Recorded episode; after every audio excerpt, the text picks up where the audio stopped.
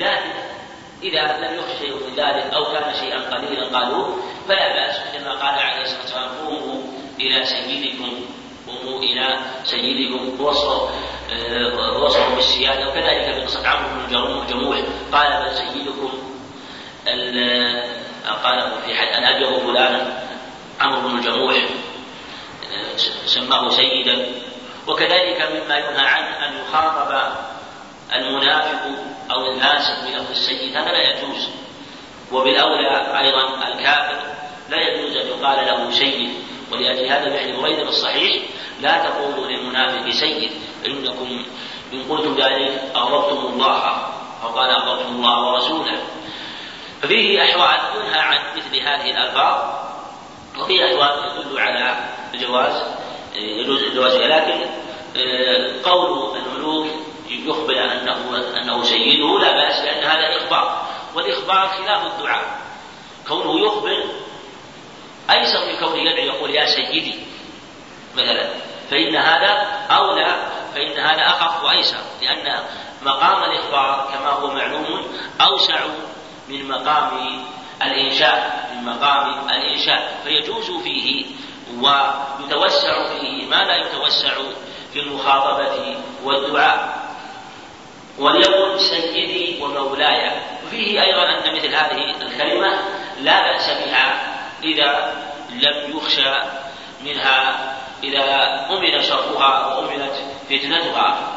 وأن لا بأس أن تقال والمولى يتصرف كما ذكر أهل العلم على معانيه نحو ستة عشر معنى. هذه الكلمة يطلق على الحليم وعلى الناصر وعلى السيد وعلى ابن العم يطلق على ألفاظ كثيرة ولكن هذا ذهب عندنا أن لا بأس بمثل هذه الكلمة إلا أما إذا كانت تفضي إلى شر أو فتنة أو ظهر أو كبيرة فإن مثل فإن هذا لا يجوز. وقد جاء بلفظ عند مسلم ولا يقول مولاي فإن مولاكم الله عز وجل. فقد ضعف بعض أو قال بعض العلم أن هذه زيادة الأولى حذفها وأنها لا تثبت لأن أكثر الرواة عن الأعمش لم يذكروها. وقال القاضي عياض الأصح حذفها حذفها وأنها لا تثبت لأن مثل هذه اللفظة يظهر من كلام أهل العلم أنها محل إجماع أن هذه لا بأس بها. لكن آه، قد يقال أصل صحة الحديث والإعلان يحتاج إلى دليل وأنه أنها ثابتة في صحيح مسلم وأنها في هذه الحال تكون إذا قيلت على وجه البغض والخيلاء أو خشية من ذلك. ولذا قال فإن الله فإن مولاكم الله عز وجل. فإذا خشي من ذلك امتنع وإلا فلا بأس بذلك. ولا يقول أحدكم عبدي وأمتي.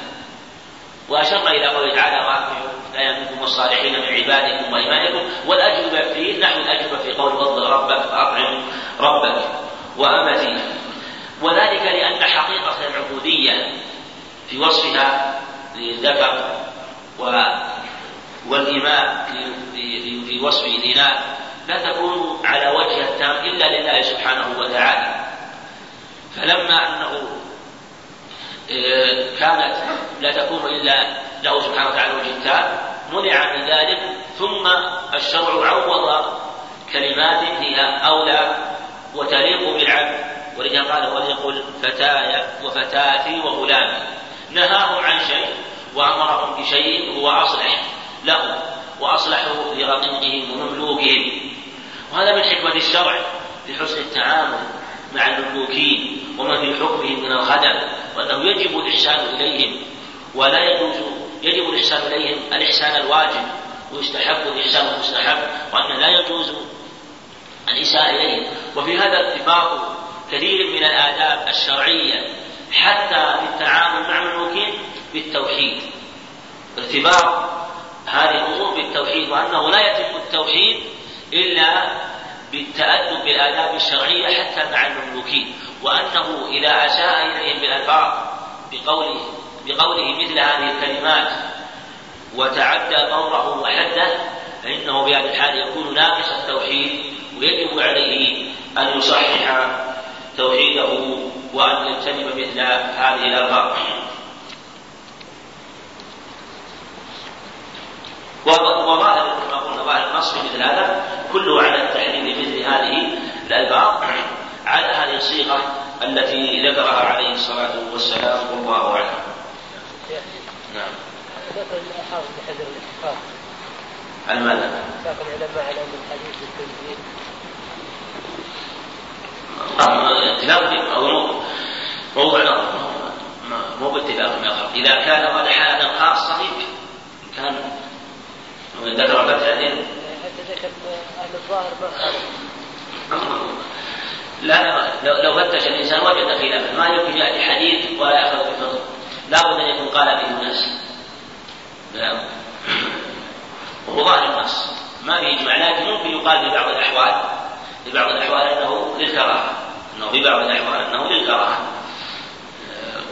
دون بعض. أما الأصل في النهي التحريم هذا النهي هذا علله عليه الصلاة والسلام في عند ابي داود اسناد صحيح. فإنكم المملوكون والرب هو الله تعالى. والرب هو الله تبارك وتعالى. وروى مسلم معناه أيضا. فإنكم عبيد الله. والرب هو الله تعالى. علله بعلة تقتضي وجوب الالتزام بوجوب تحقيق هذه العلة. بوجوب تحقيق هذه العلة فالنهي للتحريم وإن كان قد قال يعني لم يقل إلا القليل. أما حكاية إجماع على الخلاف فلا نعم. نعم. منهم من ذكرها ومنهم من أثبتها لا نحن نقول كما أن كما أن أطعم ربك وانظر ما تخالف ما دل عليه القرآن. كذلك هذه ما تخالف ما دل إنما يجمع. يجمع بينهم في وجوه من الجمع.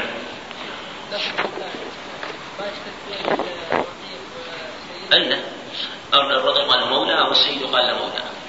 نعم كلاهما يقال مولى. رجل سأل بالله عن ابن عمر رضي الله عنهما ورد في حديث ابن عمر في هذا الباب من سأل بالله ما أعطوه ومن استعاذ بالله ما أعيذوه ومن دعاكم فأجيبوه ومن صنع إليكم معروفا كافئوه إن لم تجدوا ما تكافئونه فادعوا له حتى تروا أو تروا أنهم قد كفتموه هذا الباب في بيان تعظيم السؤال بالله سبحانه وتعالى وأن المسلم لما يقوم في قلبه من الإيمان بالله سبحانه وتعالى فإنه لا يرد من سأل بالله. وهذا من تمام تحقق توحيد في قلب العبد الذي هو الذي من تمامه أن يعظم الله سبحانه وتعالى وأن يستجيب لمن سأله بهذا المعظم وهو الله سبحانه وتعالى وأن يجيبه إلى ما سأله وأن يعطيه ما سأله إياه لأنه سأله بمعظم ومن تمام إيمانك الواجب أنت أن تجيبه إلى ما سألك وهذا لما يقوم بقلب المؤمن من الإيمان بالله وبصفاته وعظمته سبحانه وتعالى وجلاله وأنه لا يرد من سأل بالله سبحانه وتعالى. من سأل بالله فأعطوه هذا في السؤال بالله. وهذه المسألة كما قلنا هي من سأل شيئا أن يعطى إياه. وقد اختلف أهل العلم في هذا المعنى وهو معنى وهو مسألة السؤال بالله سبحانه وتعالى وفي حكمها وقد جاء الأخبار في هذا المعنى تدل على تعظيم السؤال بالله سبحانه وتعالى وأنه يجب إعطاء من سأل بالله. وجاء في بعض النصوص التشديد في السؤال بالله سبحانه وتعالى. والنهي وفي ضمنها النهي عن السؤال بالله سبحانه وتعالى. وهذا يبين منزلة السؤال بالله. الذي ورد في حديث أبي موسى الأشعري رضي الله عنه ملعون من سأل بالله وملعون من سئل بالله فلم يعط سائله ما لم يسأل أجرة فالتشديد في باللعن لمن سأل بالله يدل على أن السائل أوقع المسؤول بأمر شديد وبأمر خطير حيث سأله بالله سبحانه وتعالى. ثم قال ملعون من سئل بالله فلم يعطي سائله ما لم يسأل أجرا لكن فيما يظهر أن ما جاء من الأخبار لابد أن يتقيد بالقواعد الشرعية المعلومة من الشرع في هذا الباب.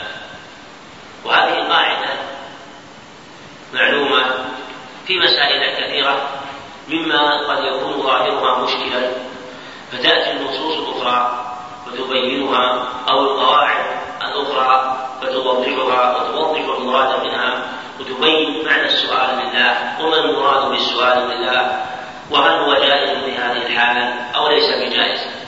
الذي يظهر من النظر في الأخبار والنظر في قواعد الشرع أن السؤال بالله ليس على كل حال أن يجاب من سأل بالله. وفي بعضها محل إجماع. من سأل بالله فأعطوه إن كان السائل سأل حقا من الحقوق الواجبة له يجب إعطاءه مثل أن يقول أسألك بالله أن تعطيني ما عليك من المال لي أو ما أطلبه هذا يجب بأمرين. بكونه واجبا في ذمته بالأصل وبكونه سأله بالله سبحانه وتعالى. وإن كان سأل أمرا هذا هذا يجب إعطاؤه وإن كان سأل حقا يستحقه حقا يستحقه من بيت المال. إذ أسأل أسألك بالله أن تعطيني من هذا المال وهو وهو محتاج له فيجب إعطاؤه أو أسألك بالله أن تكتب اسمي آه، لكي يصرف لهذا المال. أو أسألك بالله أن توظفني في هذه الجهة. أسألك بالله أن آه، تجعلني أعمل في هذه الجهة. وهو مستحق وهو أهل لأن يعمل ومستحق للعمل وبحاجة إلى العمل. فيجب فيجب أن يمكن مما سأل كذلك غيرها مما يسأل بالحقوق كذلك لو قال أسألك أسألك أسألك بالله أن تعينني وكان إنسانا محتاجا فقيرا إنسانا مضطرا إلى شيء من المال فإنه يشرع إعطاؤه فلو جاء إنسان جائع أو إنسان محتاج إلى المال أو محتاج إلى الصدقة لكونه فقيرا أو نزلت به مصيبة فأذهبت ماله فإنه يعطى. ثم ينظر في السائل المسؤول إن كان يستطيع الإعطاء إن كان يستطيع الإعطاء وعنده مال كثير ولا يقوم به إلا هو وجب عليه أن يعطي هذا السائل. وإن كان يشق عليه أو يضره فإن القواعد تدل على أنه لا يجب عليه أن يعطي غيره وشيئا يكون ضررا عليه فلا يدفع الضرر بالضرر ولا يزال الضرر بالضرر. كذلك لو أن شخصا جعل يسأل الناس عن العموم أتى إلى أهل مسجد مثلا وقام بين أيديهم وصار يسألهم على جهات العموم. أنا رجل محتاج أنا رجل فقير أسألكم بالله أن تعطوني أسألكم بالله أن تساعدوني أسألكم. هذا الذي يسأل على جهات العموم أيضا لا يجب إعطاؤه. لأن هذه لأن السؤال غير متعلق بشخص معين.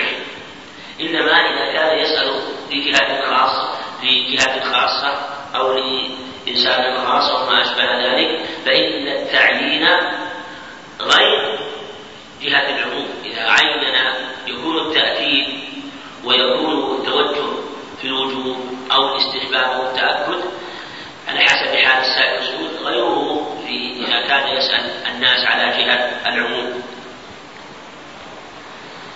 هذا هو الذي يضع ثم هو الذي يظن عن هذا الحديث. بل بل قد دل عليه حديث موسى الاشعري الذي أشرنا إليه. ملعون من سأل بالله ملعون من سئل بالله ثم ملعون ما لم يسأل هجره هذه الكلمة توضح المراد ما لم يسأل هجره فمن سال فمن سأل شيئا ليس له حق فيه أو سأل سؤالا فيه إيذاء. هذا سأل هجرا فلا لا يجب إعطاؤه وإن أعطي بل قد يكون إذا سأل بالله يكون آثما. بل قد يكون ملعونا. كما جاء في الحديث ملعون من سأل بالله. يعني إذا كان سؤاله إذا كان سؤاله يفضي إلى إيذاء المسؤول وإحراجه وهو غير مستطيع أو غير واجب عليه أن يمكنه أو أن يعطيه ما سأل لأن قال من لم يسأل هجران من سأل بالله فأعطه ثم مما يتعلق أيضا مسألة المسألة بالله بحث مهم. آه، وهو مسألة السؤال بالله. السؤال بالله قد حينما تسأل بالله قد تسأل بشيء آه، تسأله بالله أن يعطيك شيئا؟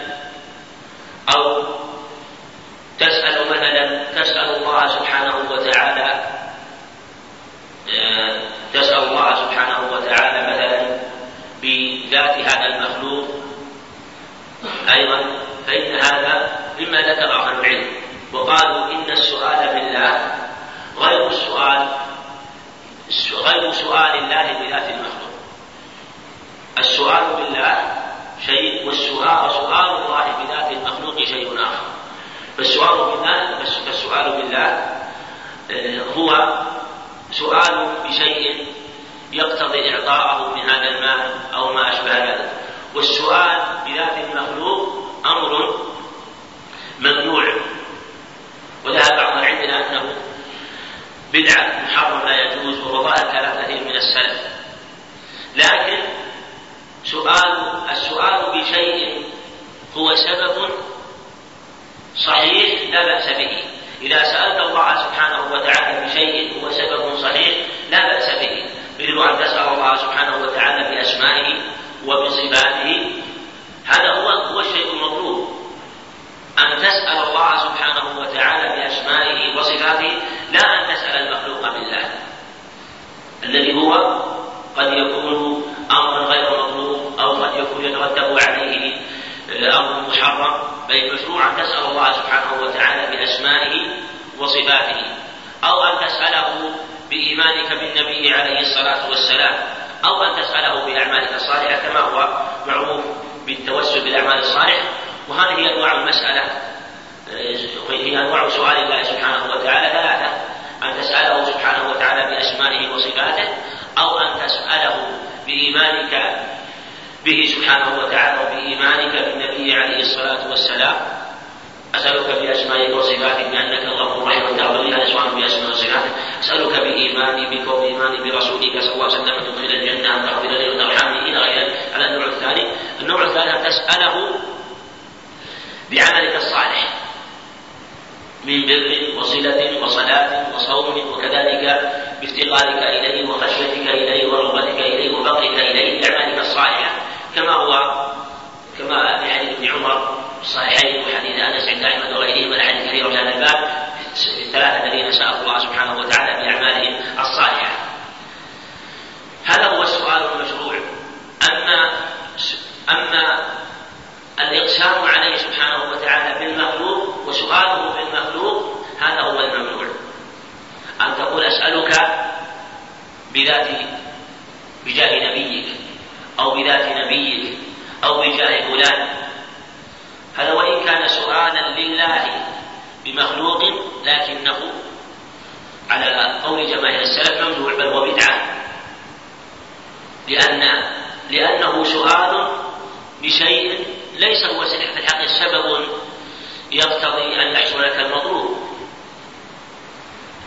إلا إذا كان المراد أن تسأله أن يشفع لك تقول أسألك بنبيك يعني إذا إذا كان المقصود أن أن يشفع له فهذا في حياته عليه الصلاة والسلام ويوم القيامة حينما يسأله الناس. أما بعد وفاته ليس هناك سؤال إلا بالإيمان به عليه الصلاة والسلام. يقابل هذا الإقسام على الله سبحانه وتعالى أيضا ما يتعلق بهذه المسألة. وقد أشار إلى هذا البحث شيخ الإسلام رحمه الله وقد فرغ كلامه في هذا وفي بعض المواضع قد لا يتضح المراد من كلامه. وأشار إلى مسألة السؤال بالله والسؤال سؤال الله إلى سؤال الله سبحانه وتعالى والسؤال بالله. وفرق بين السؤال بالله وسؤال الله بذات المخلوق والإقسام على الله سبحانه وتعالى. فالإقسام على الله شيء والسؤال وسؤال الله سبحانه وتعالى أو سؤاله بذات المخلوق شيء آخر.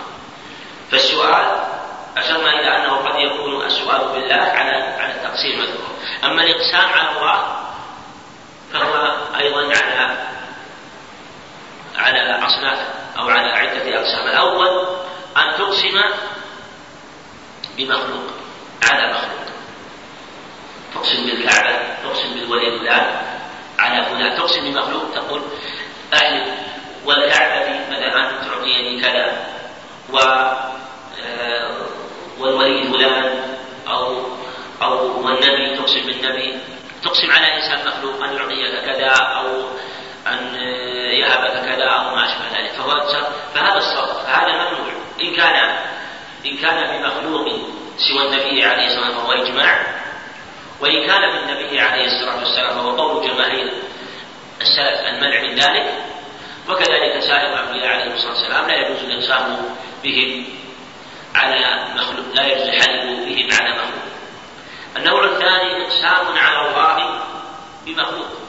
أن تقول أقسم عليك بذات نبيك أو بجاه فلان أو أسألك بذات فلان على جهة الإقسام والجزم. فجاءت الباء هنا للإقسام لا للسؤال. فإذا كانت الإقسام هي غيرها إذا كانت للسؤال بالله فالإقسام على الله المخلوق أيضا لا يجوز بل هو أعظم من الإقسام على المخلوق بالمخلوق.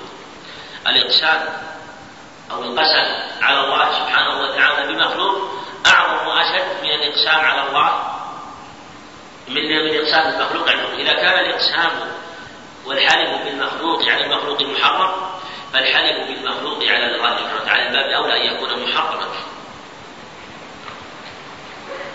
النوع الثالث الإقسام على الله. الإقسام على الله. بدون أن يقسم بمخلوق أن يقسم على الله سبحانه وتعالى. يقول أقسمت عليك يا ربي إلا نصرتنا.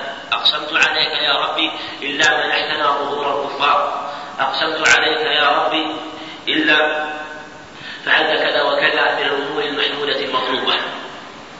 فالنوعان فالقسمان الأولان لا لا يجوز واحد منهما والثاني أشد التحريم والقسم الثالث يجوز لبعض الناس دون بعض ليس لكل إنسان. فالإقسام على على الله سبحانه وتعالى هذا لبعض الناس ولخاصة من الناس دون بعضهم. ولأجل هذا قال عليه الصلاة والسلام كما صحيحين إن من عباد الله من لو أقسم على الله لأبره لما قال لما قال أنس بن نور أتكسر ثنية الرقيع والله لا تكسر. والله لا تكسر. فقال عليه الصلاة والسلام كتاب الله القصاص. فوقع في قلبه رضي الله عنه من حسن الظن بالله سبحانه وتعالى. ووقر في قلبه شيء من هذا أن هؤلاء القوم سوف يعفون وسوف يسمحون ثم إيه، لا يحصل أن تكسر ثنيتها. فعفى القوم فبرت قسمه رضي الله عنه. وجاء في لفظ آخر عن الترمذي إن من عباد الله أو من لو أقسم على الله لأبره في لفظ رب أشعث أكبر ذي ضمرين لو أقسم على الله لأبره وقال إن من وفي لفظ آخر إن من عباد الله من لو أقسم على الله لأبره وذكر فيه منهم البراء بن مالك. وفي لفظ آخر عند البخاري رب ضعيف متضعف أو متضعف لو أقسم على الله لأبره وقد كان البراء بن مالك ربما أقسم في بعض المعارك فإذا اشتد عليهم الخوف قالوا أقسم يا براء على ربك. فيقسم فيقول أقسم عليك يا ربي إلا منحتنا ظهورهم أو أكتابهم فينصرون فهذا القسم لا يكون في الغالب إلا لإنسان كان عنده من الإيمان والخشية والخوف من الله الشيء الكثير ولا يمكن أن يقدم على مثل هذا إلا بعد يقين وإيمان ويقع في قلبه شيء مما يجعله يقول مثل هذا ولأجل هذا. لا يكون إلا لخاصة الناس. ولهذا في الحديث إن من عباد الله من لم أقسم مع الله يبر فيه جارة إنه ليس لكل أحد وأنه ليس كل أحد يقسم مع الله سبحانه وتعالى بل هو لخاصة الناس آه، أوصاف أشير إليها في الأحاديث من الإيمان والتقوى بالله سبحانه وتعالى التي تؤهلهم إلى أن يقسموا عليه سبحانه وتعالى. من سأل بالله فأعطوه وهذه المباحث أيضا سيأتي إشارة إليها أيضا في باب في آخر كتاب التوحيد آه، في كلام المصنف رحمة الله عليه. ويشار إليها أيضا هناك أو إلى بعضها. قال قال رحمه الله من استعاذ بالله فأعينوه ومن استعاذ بالله فأعينوه هذا أيضا في في أمر بأن أن من استعاذ بالله قال أعوذ بالله بكذا أعوذ بالله أن تظلمونني أن تظلموني أعوذ بالله أن تظلموني. أن يجاب ما استعاذ به هو الله سبحانه وتعالى. وهذا إذا استعاذ من ظلم فإنه يجب أن يعاد أو طلب أن يعاد من ظالم. يعني إذا استعاذ من إنسان ظالم فطلب منه أن يكف ظلمه وجب عليه. وجب عليه وتأكد في حقه الوجوب لأنه استعاذ بالله سبحانه وتعالى. وكذلك إذا انتصر في إخوانه وسألهم أن يعيدوه من هذا الظالم أو أعوذ بالله قال أعوذ بالله من شرك أو أستعيذ بالله من شرك فإنه يجب أن يجامل هذا. من استعاذ بالله فأعينوه لكن لو استعاذ بالله من شيء هو واجب عليه فإنه لا يجامل هذا هذا معلوم من لو قال أعوذ بالله الإنسان وجب عليه حد في قصاص في حد مثلا في من قتل أو زنا أو شرب خمر أو ما أشبه ذلك. قال أعوذ بالله أن تنفذوا في هذا الحد أو وجب عليه المال وأمر أن يسلم المال فقال أعوذ بالله أن تجبروني على تسليم المال أو وجبت عليه النفقة قال أعوذ بالله أن تجبروا على هذا هذا هذا أمر هذا استعاذة لا يرجع إليها وهي باطلة ولا تصح ولا بل لا يجوز له مثل هذا. كما أن من سأل أمرا محرما أو سأل بالله سبحانه وتعالى أمرا يؤذي من سأله لا يرجع هذا هذا مثله أيضا. هذا معلوم النصوص. وهو هو هو, هو يظهر بلا خلاف الكلام يعني في كلام العلم ومن دعاكم فأجيبوه من دعاكم يحتمل من دعاكم يعني إلى وليمة أو غيرها أو من دعاكم إلى بر وصلة آه، فإذا قيل إن دعاكم إلى بر وصلة اتفقوا مع الألفاظ الأخرى لأنها تتعلق بأمور فيها النصرة وفيها الإجابة إلى أمور تتعلق بأن يعاذ بالله وأن يكف عنه الشر أو أن يقال عام في هذا وهذا وأنه من دعا من دعا فإنه يجاب فإذا كان وعلى القول الثاني من دعاكم يعني إلى وليمة فإن كانت وليمة زواج عرس فهذه واجبة عند جماهير أهل العلم ومنهم من حكى الاتفاق عليه والنصوص في هذا واضحة وكثير من العلم الحق بها سائلة والآية وقال إنها أيضا تجب لعموم النصوص الأخرى ولما جاء في حديث عمر عرسا كان أو نحوه. ومن صنع إليكم معروفا فكافئوه فكافئوه وهذا فيه مشروعية صنع رد المعروف لمن صنع إليك معروفا من بر وصلة أو هدية أو ما أشبه ذلك فإنه من صنع إليك يشرع أن تبادله ذلك. ولهذا كان عليه الصلاة والسلام يقبل الهدية ويثيب عليها عليه الصلاة والسلام. من صنع إليكم معروفا كافئوه وذلك لأن المعروف قد يأخذ شيئا من حظ النفس وحظ القلب وقد يكون فيه شيء من التأله لهذا المخلوق والمحبة لهذا المخلوق. والذل لهذا المخلوق الذي والذي يشرع أن يكون ذله وتألهه وإقباله على الله سبحانه وتعالى وأن لا يكون لأي مخلوق فيه حظ. فشرع أن يحرر قلبه من هذه الأشياء فأن يرد المعروف على صاحبه حتى يحرر قلبه ونفسه من هذه الأشياء. وهكذا كان عليه الصلاة والسلام. من صنع إليكم معروفا فكافئوا فكافئوا. وإن زاد فهو خير. فإن زاد فهو خير. فإن لم تجدوا ما تكافئونه ما تكافئونه في بعض الوقت ما تك... آه، نعم. ما في بعض ما تكافئون هنا ما تكافئونه. فإن لم تجدوا ما تكافئونه فادعوا له حتى تروا وهذه وهذه كما هنا ما تكافئوه أو ما تكافئونه وكثير أصلها جازم لكن أصل ثبوتها هنا كما في أنه عليه قال لا تدخلون الجنة حتى تؤمنوا. جاء ربما جاء بعض لا تدخلوا لا تدخلوا الجنة. لكن رواية بعض لا تدخلون الجنة آه، لأنه ليس هنا ناصب الجازم ولا هنا نافية ثم ظاهر.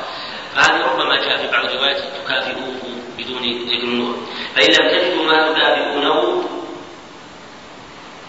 فادعوا له حتى تروا أو تروا حتى تروا أنكم قد كافأتموه.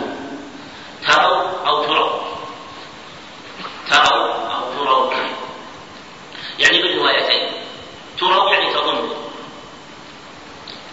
تروا يعني تظنوا. تروا معناها ماذا؟ تعلموا نعم تروا معناها تعلموا والأفضل والله أعلم تروا لأن جاء في رواية عند أبي داود حتى تعلموا حتى تعلموا. وهذا يوضح أن المراد العلم لفظا حتى تروا أو أنكم قد كافأتموه.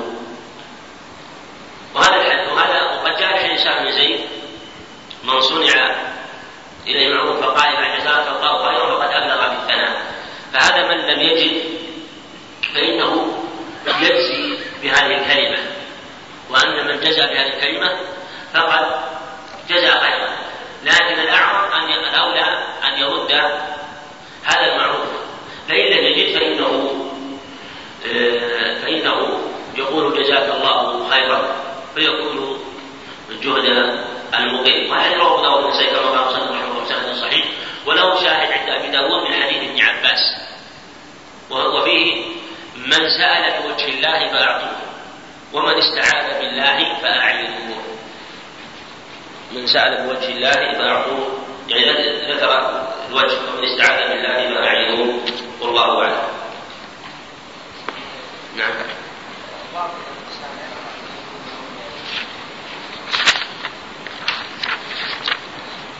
كيف؟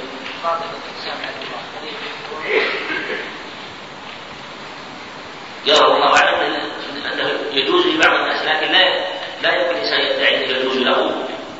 لكن قد يقع في نفسه وقلبه أنه يقول هذا ويظهر الله اعلم أنه في مواطن الحاجة لا أنه لا يقسم على الله دائما لكن في مواطن الحاجة مواطن الشدة.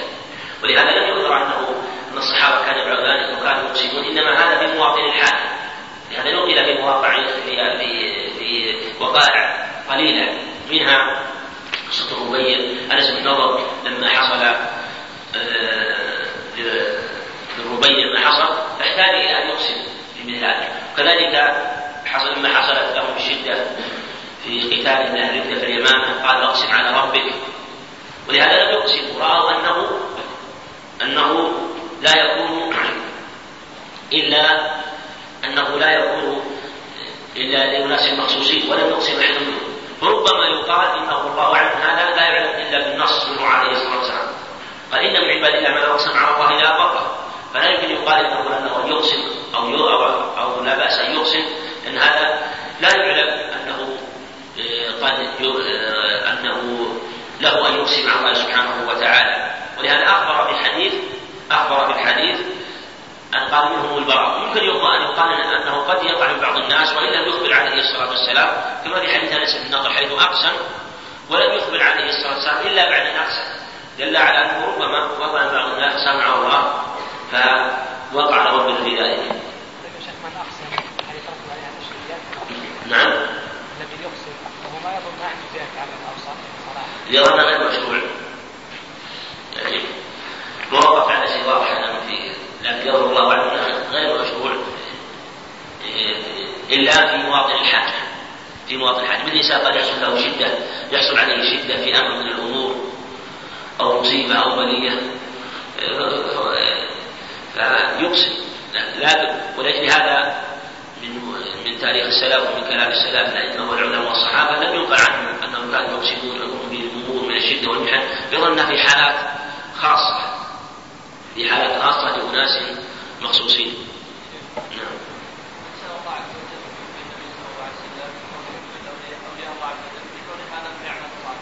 لا لا هذا ما يشرع. هذا ما يشرع. الأعمال الصالحة تتلقى من النصوص. فهذا كيف يسأل الشر ولا سأل بذات النبي؟ بحب من؟ المانع؟ أسألك بحب لنبيك من المانع؟ لكن منع يعني السؤال بذاته وإيمان بنبيك وتصديقه هذا عمل صالح هذا عمل صالح. مثل ما تسأل الله بإيمانك وتصديقك وأعمالك الصالحة؟ هذا لا بأس بذلك. لكن كونك تسأل تسأله بأمور أربع أعظم من كونك أن تسأله بالأعمال الصالحة. ولأجل هذا تجد أنك تسأله تجد سؤاله بأسمائه وصفاته أعظم وأعلى من سؤاله بأعمالك أنت. وإن كان السؤال بالأعمال أمر مطلوب لكن ليس كالسؤال حينما تقول اللهم إني أسألك بأنك أنت الله لا إله إلا أنت الأحد الصمد الذي لم يلد ولم يولد ولم يكن له كفوا أحد أسألك بأنك أنت الله لا إله إلا أنت المنان بديع السماوات هذه كلمات عظيمة ما تقام حينما تقول أسألك بما أسألك مثلا بأداء الصلاة وأسألك بحج لك وأسألك بفقري إليك هذه وإن كانت قوة لكن إذا كان المقام مقام كسر للنفس ومقام هضم للنفس ومقام ذكر الذنوب لا بأس أن تسأله. لكن كونك تسأل كونك تسأله سبحانه وتعالى بصفاته المقتضية لهذا لهذا الشيء هو أولى حينما تقول اللهم إني ظلمت نفسي. تسأله بالصفة التي تناسب هذا المعنى اللهم إني أسألك بأن تقول اللهم إني ظلمت نفسي ظلما كثيرا وإنه لا يغفر الذنوب إلا أنت. فاغفر لي مغفرة من عندك وارحمني إنك أنت الغفور الرحيم. هذا في ضمنه ذكر لعمل من أعمالك الصالحة وهو فضلك لنفسك وفضلك ولجأك إليه واضطرارك إليه سبحانه وتعالى فجمعت بين سؤاله بين ذكر أسمائه وصفاته وبين ذكر شيء من عملك الصالح وتوسلت بذلك. فهذا لا بأس بذلك. فهي فلا شك أن سؤال الله سبحانه وتعالى بالأعمال يختلف.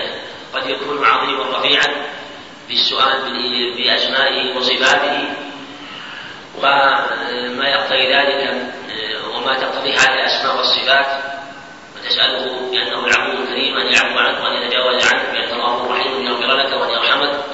وكذلك تليها مرتبة أخرى حينما تسأله مثلا بإيمانك مثلا بنبي به عليه بالله سبحانه وتعالى وبإيمانك بالنبي عليه الصلاة والسلام. وتليها على مرتبة أخرى وهي سؤالك الله سبحانه وتعالى بعملك الصالح. وإن كان لا بأس به لكن قد يكون فيه ذكر للعمل الصالح. وأنك وأنك تشهد عن نفسك بأنك عملت هذه الأعمال الصالحة وأنت لا تعلم. لكن حسن ظنك بربك جعلك أن تسأل من هذا الشيء. هو لا بأس به لكن ليس كالسؤال بأسمائه وصفاته وما تقتضيه هذه الأسماء الأسماء من حلمه وكرمه وعفوه سبحانه وتعالى. نعم. هذا في بحث آخر. عن مسألة عثمان بن هذا فيه كلام كثير والصواب أنه يعني أنه قال ادعو الله. سأل سأل ولأجل هذا قال ادعو الله. تشفع إليه بدعائه عليه الصلاة والسلام. فأمره أن يدعو. وجاء في رواية عند الطبراني من طريق عثمان بن حنيف أنه فعل ذلك.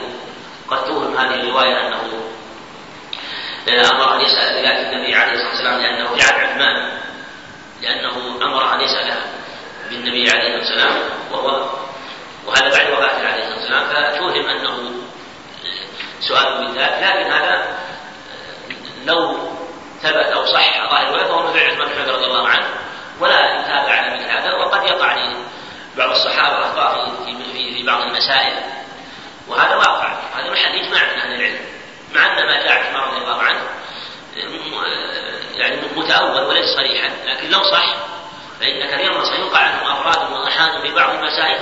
لا يتبع عليه بلا خلاف. طلحة بن عبيد الله كان يأكل البقر ولا يرى أنه يفضل وابن عمر رضي الله عنه كان لا يرى التطيب بعد التحلل الأول وعمر الخطاب كان لا يرى حل الصيد بعد التحلل الأول؟ وكذلك عمر رضي الله عنه كان يرى على الحائض أن تجلس بطواف الوداع. وكذلك ثبت جاء عن ابن حريث وعن ابن عوف أنهم كانوا يأمرون بالتعريف في يوم عرفة. هذا بعضهم قال انه بدعة بلا خلاف. نقل عنه انه كان يعرف ويأمر بالتعريف. وجاء عن بعض الصحابة مسائل مثل هذه. مسائل وأفراد واحاد من المسائل وأجمع العلماء على أن الصحابي إذا قال قولا خالفه غيره فليس قوله حجة بالاتفاق هذا محل اتفاق. إذا خالفه غيره ليس حجة بالاتفاق إنما الخلاف إذا ظهر. انما إنما إذا وافقه غيره وظهر موافقة غير الصحابة فهو حجة فهو حجة عند أهل العلم. حجة إذا ظهر موافقة الصحابة. وإذا ظهر قوله ولم يظهر مخالف هذا محل خلاف. قيل هو حجة وقيل هو إجماع سكوتي أما إذا إذا ظهر أنه قال قولا وخالفه غيره فلا شك أنه ليس بحجة اتفاق وهذا منقول في مسائل كثيرة وهو وما نقل في هذه المسألة عن ابن رضي الله عنه من هذا الباب. لا يسأل وجه الله إلا الجنة. عن جابر رضي الله عنه قال قال رسول الله صلى الله عليه وسلم لا يسأل بوجه الله إلا الجنة. هذا الحديث جاء بالنفي وجاء بالنهي. جاء لا يسأل بالنهي وجاء بالنفي لا يسأل بوجه الله إلا الجنة. وهذه ترجمة باب لا يسأل وجه الله الجنة. تختلف عن الترجمة التي قبل الباب لا يرد من سأل بالله. ففي تلك أنه لا بأس بالسؤال بالله. ولم تقيد بشيء من المسائل وأن من سأل بالله فإن الأصل أن يعطى ما سأل وهذه الترجمة فيها النهي عن السؤال بوجه الله. ففي تلك الأمر بإعطاء من سأل بالله وفي هذه النهي عن السؤال بوجه الله. وهذه وتلك فيها السؤال بالله سبحانه وتعالى بصفاته كلها بذاته سبحانه وتعالى. وهنا النهي عن السؤال بوجهه سبحانه وتعالى. لأجل هذا اختلف أهل العلم في هذا الحديث في معناه وهل هو صحيح؟ ليس بصحيح. الحديث رواه أبو داود كما قال مسلم رحمه الله. فقد رواه من طريق سليمان بن قوم بن معاذ الضبي. ورواه داود من هذا الطريق فقال سليمان بن معاذ فاختلف هل هما رجلان أو رجل واحد؟ هل سليمان بن معاذ الضبي هو سليمان بن قرن أم هما رجلان؟ قال بعض أهل الحديث إنهم إنهما رجلان. وقال آخر إنهما رجل واحد وهذا هو الأظهر والأرجح من خلال ترجمة سليمان هذا. لأن من قال سليمان بن معاذ نسبه إلى جده. من قال سليمان بن قر نسبه إلى أبيه. فهما فهي ترجمة واحدة لرجل واحد. وهذا غير سليمان بن أقرب. البصري أبو معاذ. فذاك أيضا رجل آخر غير سليمان بن قرن وهو ضعيف بل هو متروك وهذا الحديث من هذا الطريق فيه ضعف. وسليمان هذا وإن قيل فيه ما قيل وإن كان روى له مسلم ففيه بعض الضعف. نعم. من أقرب أو أرقب نعم يراجع ترجمته. هذا من قرب وذاك من أرقب وأن من أرقب البصري. سليمان بن أرقم البصري. تراجع ترجمته لكن متروكه ابن أرقم وابن أقرب. والله أنها من أرقم من أرقم البصري. تقريب موجود؟ شيخ مراجع. إيش اسمه؟ إن هل هو أرقم ولا أقرب؟ معروف أنه غير. يعني إي نعم. بس الثاني لا. شو اسمه ما اسمه هذا. أقرب ولا ولا أرقم؟ هذا الاشكال ولا هو معروف إنه غير. يراجع المقصود إنه هو ظاهر إنه أرقم.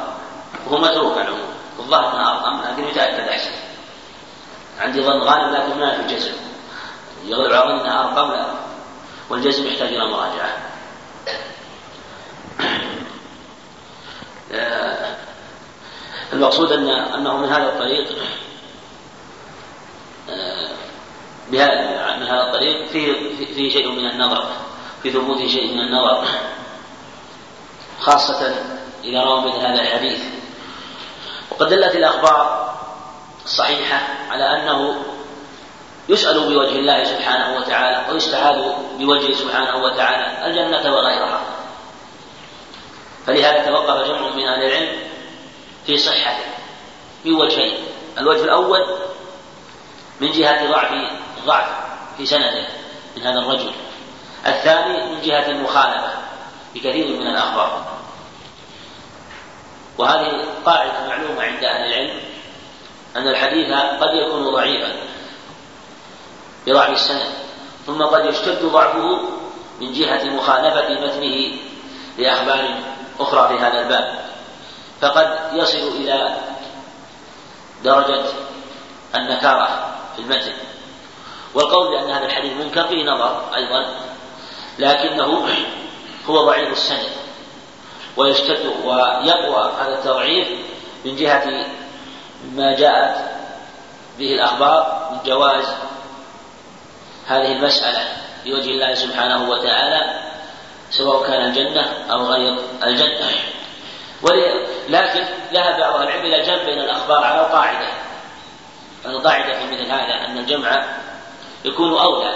فنقول الجواب الأول الجواب الأول أقوى من جهة من من جهة النظر في السند والنظر إلى الأحاديث الأخرى.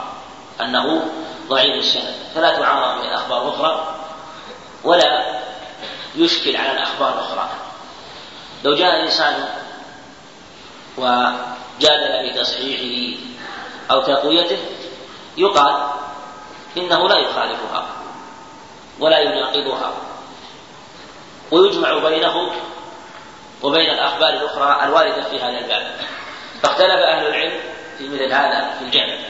فقال بعضهم إن قوله لا نسأل بوجه الله إلا الجنة المراد به الجنة وما كان طريقا إليها من الأمور الكبيرة والأمور العظيمة مثل سؤال الله الجنة وسؤال الله المغفرة والرحمة والأمور الكبار العظيمة التي هي طريق إلى الجنة.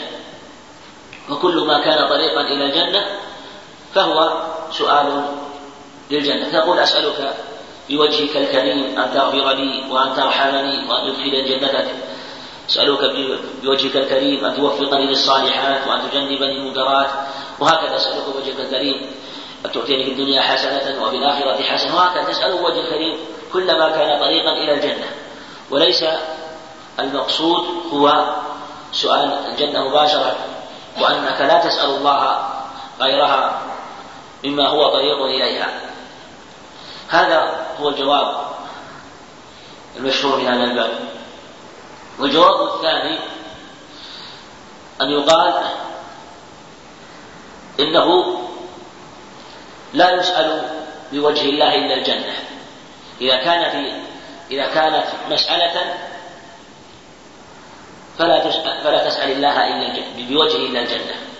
وإن كان تعوذا ودفعا للعذاب فإنه يجوز أن تسأل بوجهه سبحانه وتعالى أن تسأل بوجهه سبحانه وتعالى آه، كذلك أنت يعني في في باب السؤال لا تسأل إلا الجنة لا تسأل إلا الجنة وفي باب التعوذ تتعوذ. بوجهه سبحانه وتعالى ولا يختص بالجنة. رحمك الله. ففي باب التعوذ نعم فلا نقول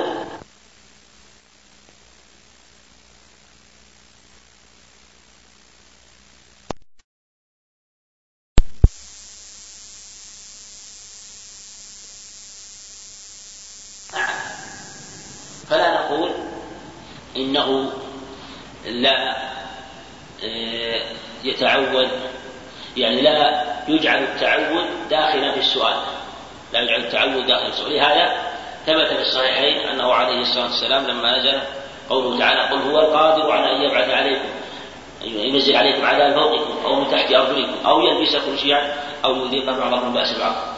فجعل عليه يقول أعوذ بوجهك أعوذ بوجهك. كما في حديث جابر فتعوذ بوجهه سبحانه وتعالى من هذه الأشياء. تعوذ بوجهه سبحانه وتعالى من هذه الأشياء. وليست هي من سؤال الجنة. من سؤال الجنة. هي بالتعوذ يتعوذ بوجهه سبحانه وتعالى. وفي باب السؤال لا يسأل إلا الجنة. هذا هو الجواب الثاني السؤال لا يسأل إلا الجنة. وفي باب التعوذ يتعوذ بوجهه سبحانه وتعالى. يتعوذ وإن كان؟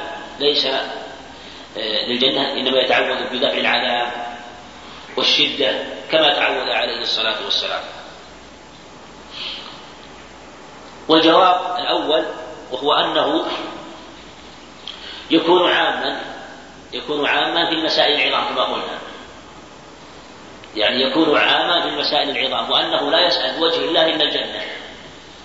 سواء كان دفعا أم طلبا سؤالا أم استعاذة وهذا أظهر. وهذا أظهر أن المراد ألا يسأل بوجه الله إلا الجنة سواء كان طلبا أم دفعا سؤالا أم استعاذة هو عام.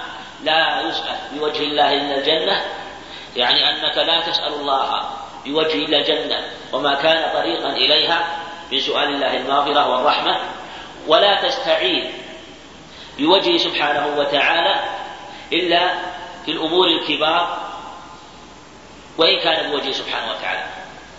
فيكون النهي لا يسأل وجه الجنة المراد به الأمور الكبار العظام سواء كان سؤالا للجنة أو استعاذة من عذابه أو دفع شر سواء كان يعني لا يخص كما في الجواب الثاني أنه لا يسأل لا يكون بالطلب إلا بوجهه بالجنة. وفي الاستعاذة لا يختص.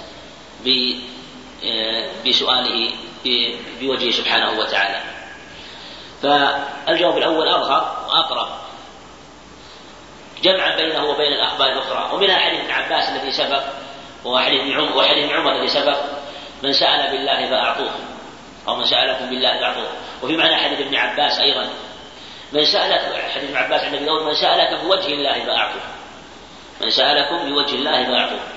لكن هذا كما قلنا محمول على السؤال بالأمور الكبار وأنه لا ينبغي للإنسان أن يسأل بوجه الله سبحانه وتعالى الأمور الدنيئة الأمور الساقطة النازلة من أمور الدنيا. يأتي الإنسان يقول أسألك بوجه الله أن تعطيني من هذا المال أسألك بوجه الله أن تعطيني من هذا الشيء أن يسأله من أمور الدنيا. فإن هذا ظاهر الحديث النهي عنه. وفي حديث ابن عباس من سألكم بوجه الله فأعطوه. وهذا ظاهر أنه لا بأس. وهو أصح من هذا الحديث وأنه من سأل بوجه الله يعطى وأنه لا بأس. لكن سبق لنا بحث في هذا وأن السؤال بوجه الله العظيم وأن السؤال بوجه الله ليس بالأمر الهين. ولأجل هذا جاء, جاء في بعض الأحاديث ملعون من سأل بالله. وملعون من سأل من سئل بوجه الله ولم يعطي سائل ما لم يسأل هجرة. فيه التشديد في السؤال بوجه الله. فيه إشارة يعني لا يلزم من كون من سأل بوجه الله أن يمكن أن يكون سؤاله لا بأس به. ولا يلزم من قوله عليه الصلاة والسلام من سألكم بوجه الله فأعطوه أن سؤاله مباح وأن سؤاله لا بأس لا بأس به. لا. قد يكون سأل وطلب شيئا من أمور الدنيا الحقيرة النازلة. الفانية ومع هذا سؤاله غير مشروع ثم قد يفضي به إلى أمر مكروه أو أمر محرم وقد يمكن وقد يعطى لأنه سأل بأمر أحرج به سائلا.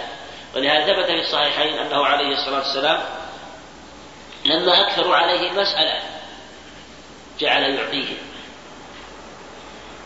ألحوا عليه فقال عليه الصلاة والسلام إن أحدهم لا يخرج بالمال وقال يخرج بالعطية يتأبطها نارا. يتأبطها. نعم. قالوا يا رسول الله على لما تعطيهم؟ لما تعطيهم إذا كان؟ قال يابون إلا المسألة ويأبى الله لي المخرج يعني يلحه في المسألة ويسلك بها سبلا فيها إحراج للمسؤول وذلة للسائل. تجعل المسؤول يريد أن يخلص نفسه ويخلص هذه الذلة التي تعنو وجه السائل لا شك لأن المسألة المال تجعل السائل ذليلا. وهكذا كل أمور الدنيا تجعل السائل ذليلا. منقادا لمن يسأله فلأجل هذا كان عليه الصلاة والسلام يعطيه. يأبون إلا أن يسألون ويأبى الله ليرضهم فلا يلزم من كونه إذا سأل بوجه الله أنه يعطى أن يكون سؤاله من الأمور الجائزة من الأمور الجائزة أو المباحة قد يفضي به السؤال إلى أمر ممنوع قد يفضي به السؤال إلى أمر ممنوع وقد يؤيد هذا الحديث وإن كان هذا يحتاج إلى نظر قد يؤيد هذا الحديث حديث لا يسأل إلى الجنة من من بعض جوانبه. حديث سبق أن أشار إليه في النهي عن السؤال بوجه الله ولا عن من سأل بوجه الله. وعلى هذا يتنزل هذا المعنى على على أمور الدنيا وأن من سأل بوجه الله من سأل بوجه الله أمور الدنيا فإنه سأل أمورا نازلة ومن أمور الدنيا الفانية وأحرج المسؤول حينما سأل وجه الله. فلهذا جاء الحديث فيها يسأل بوجه الله إلى الجنة أن يكون سؤاله بوجه الله أن يسأل الله سبحانه وتعالى وأن لا يسأل المخلوقين وأن لا يسأل الخلق. ولهذا كان أصل المسألة عند جماهير أهل العلم الأصل فيها التحريم إلا ما استثني في بعض الأحوال وإلا فالأصل في المسألة المنع والتحريم إلا ما دلت على جوابه في حديث في عدة أخبار في هذا الباب في حال الفاقر المدقع والغرم المفضع والدم نعم ودين الموجع وفي لفظ لا يسأل الرجل سلطانا أو في أمر لا بد منه وفسر في الحديث في في في الحديث الآخر بهذه الأشياء الثلاثة. إلى غير هذا في الأصل فيها المنع. ولأن فيها كما قلنا فيها تكون بعض عبودية للقلب عبودية القلب لمن يسأله وذلة التي ينبغي أن تكون لله سبحانه وتعالى. فهذه الأخبار قد تؤيد في المعنى هذا الحديث الذي ورد في هذا الباب. وفي هذا الحديث أيضا لقوله لا يسأل بوجه الله الجنة كما والله إثبات وجه الله سبحانه وتعالى عن وجه الله النبي سبحانه وتعالى. ومن الصفات الخبرية التي تثبت له سبحانه وتعالى. خلافا للجهمية ومن سلك مسلكه في جحد هذه الصفة أو إبطالها بتأويلات فاسدة. وعلى هذا والأدلة في هذا متواترة عند أهل السنة. لكن هذا دليل من الأدلة في إثبات الوجه لله سبحانه وتعالى. نعم والله أعلم. نعم. وقد ما من ناحية نقول ما محمد إلا رسول ولكن لو أحدثت ما إلا أصبح محمد رسول وإذا أردت المسائل لا يسلم نعم. نعم. إذا الجنة مقصورة على وجه الله فقط أن الجنة المشهور يعتبر مقصور عليه فلا فهنا نقول لا يسأل وجه الله إلا الجنة قصرنا الجنة على وجه الله شعار الجنة في الباب هذا ما يفعل نعم لماذا؟ لا يسأل وجه الله إلا الجنة. وجه الله تسأل الجنة. إذا نائب فاعل على نائب فاعل على أنها نافية ولا ناهية؟ لا هي. نعم. إن كانت نافية لا يسأل بوجه الله إلا الجنة. وإن قلنا لا يسأل لا يسأل بوجه الله إلا الجنة فتكون مفعولا فتكون مفعولا يسأل المقصود المعنى واضح. أقول المعنى واضح من في الباب سبق الإشارة إلى هذا الحديث. كل هذا على فرض صحة الحديث وعلى ثبوته. كما سبق. نعم. نعم. كيف؟ والله الأقرب في هذا الحديث من ظاهر من سنده هو الضعف لأن هذا سليمان بن قرن هذا الضبي فيه كلام كثير لا العلم وبعضهم وثقه وهو رواه مسلم رحمه الله. لكن الأظهر أن ضعيف هذا السند أقول الأظهر أنه ضعيف هذا السند. لكن كل كما قلنا كل على وقت المتحدث وأهل العلم في هذا يجمع أقول يجمعون يجمعون بين الأخبار. وهذه القاعدة لأن قد يأتي الإنسان يقول هذا الحديث ثبت أو صححه بعض أهل العلم. مثلا فنقول هذا هو الجواب لو قال بعض من الصحيح نعم.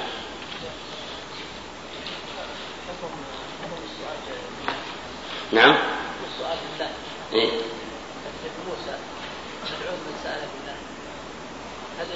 موسى أقول سبق البعثي أقول أشرنا إلى شيء من هذا. نعم أقول أشرنا إلى شيء من هذا وسبق البعثي هذا. وقلنا إن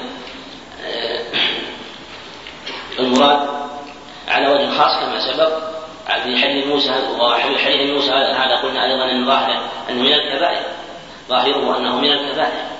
لو قيل يعني بثبوته أيضا أنه من الكبائر. حديثا ذهب بعض العلم إلى ثبوت أيضا إنما إلا الشيخ الطبراني يعني ابن عثمان فيه وقال بعض من الثقة. حديث موسى قال بعض من الثقة فعلى هذا يكون سنده جيدا. ورجال كلهم أئمة إلا شيخه وشيخه لا بأس به في فيما يظهر الله أعلم. باب ما جاء في اللون. هذه ترجمة صلى رحمه الله قوله باب ما جاء في اللون الإشارة إلى أن من كمال تحقيق التوحيد الإيمان بالقضاء والقدر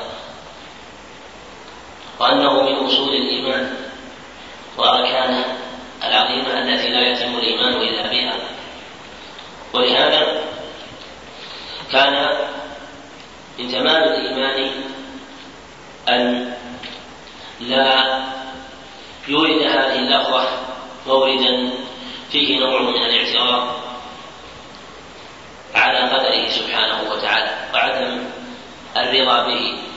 فلهذا أورده المصنف رحمه الله على سبيل يحمل جعل الترجمة تحمل المنع والجواز وأنها في بعض الأحوال قد تكون ممنوعة وفي بعضها قد تكون جائزة لكن الممنوع منها ما يكون تسخطا الله وقضائه وأنه ينافي الإيمان بالقضاء والقدر وأن بكمال تحقيق التوحيد هو التسليم لقضاء الله وقدره. والإيمان بأن الله هو الذي قدر هذه الأشياء فعليك أن تصبر وأن ترضى وهو أكمل في حال نزول المصائب وأن تستغفر عندها وأن تستغفر وتتوب إذا كانت ذنوبا ارتكبتها ثم ذكر المصنف قولا رحمك الله دليلا أو كلاما من كلام ثم أورد المصنف الإشارة إلى أنها قد تمتنع في بعض المواضع كما حكى الله سبحانه وتعالى عن المنافقين في قوله يقولون لو كان لنا من شيء ما قتلنا هنا. وقد ذكر الله سبحانه وتعالى في قصة أحد ما وقع للمنافقين في الاعتراض على ما كان منه عليه الصلاة والسلام بالخروج وقتال المشركين وذكر الله عنه سبحانه وتعالى ما وقع منهم ما وقع عليه من الشدة والقتل لبعض منهم واختار الله بعض الشهداء منهم ثم ذكر الله سبحانه وتعالى ما وقع على أهل الإيمان والتسليم بالايمان والقضاء القدر في قول ثم أنزل عليكم من بعد الغم أمنة نعاسا يغشى طائفة منكم وطائفة قد أهمتهم انفسهم يظنون بالله غير الحق ظن الجاهلية. يقولون لو كان لنا بشيء ما قتلنا هنا قل ان الأمر كله لله. ثم ذكر سبحانه وتعالى عنهم يقولون لو كان لو كان لنا من أمر شيء ما قتلنا هنا وذلك أن الله سبحانه وتعالى امتن على أهل الإيمان بسبب ما حصل له من الشدة بأنزل عليهم أمنة نعاسا أمنة؟ كان بسببها النعاس الذي أزال الشدة عليهم ووقع الشدة عليهم ولهذا لا يمكن أن يناموا أو يحصل لهم النعاس إلا في حال الأمن والطمأنينة. أما أهل النفاق فهو في قلق وخوف وشدة ورعب بسبب ضعف إيمانهم أو زواله واضمحلاله لأنهم صاروا يقولون لو كان لي شيء ما قتلنا هنا. صاروا يقولون كيف أتينا هنا؟ ونحن لو كان لنا شيء ما قتلنا هنا. اعتراض على قضائه وقدره وأنه سبحانه وتعالى هو الذي قدر ذلك وهو الذي أراده سبحانه وتعالى.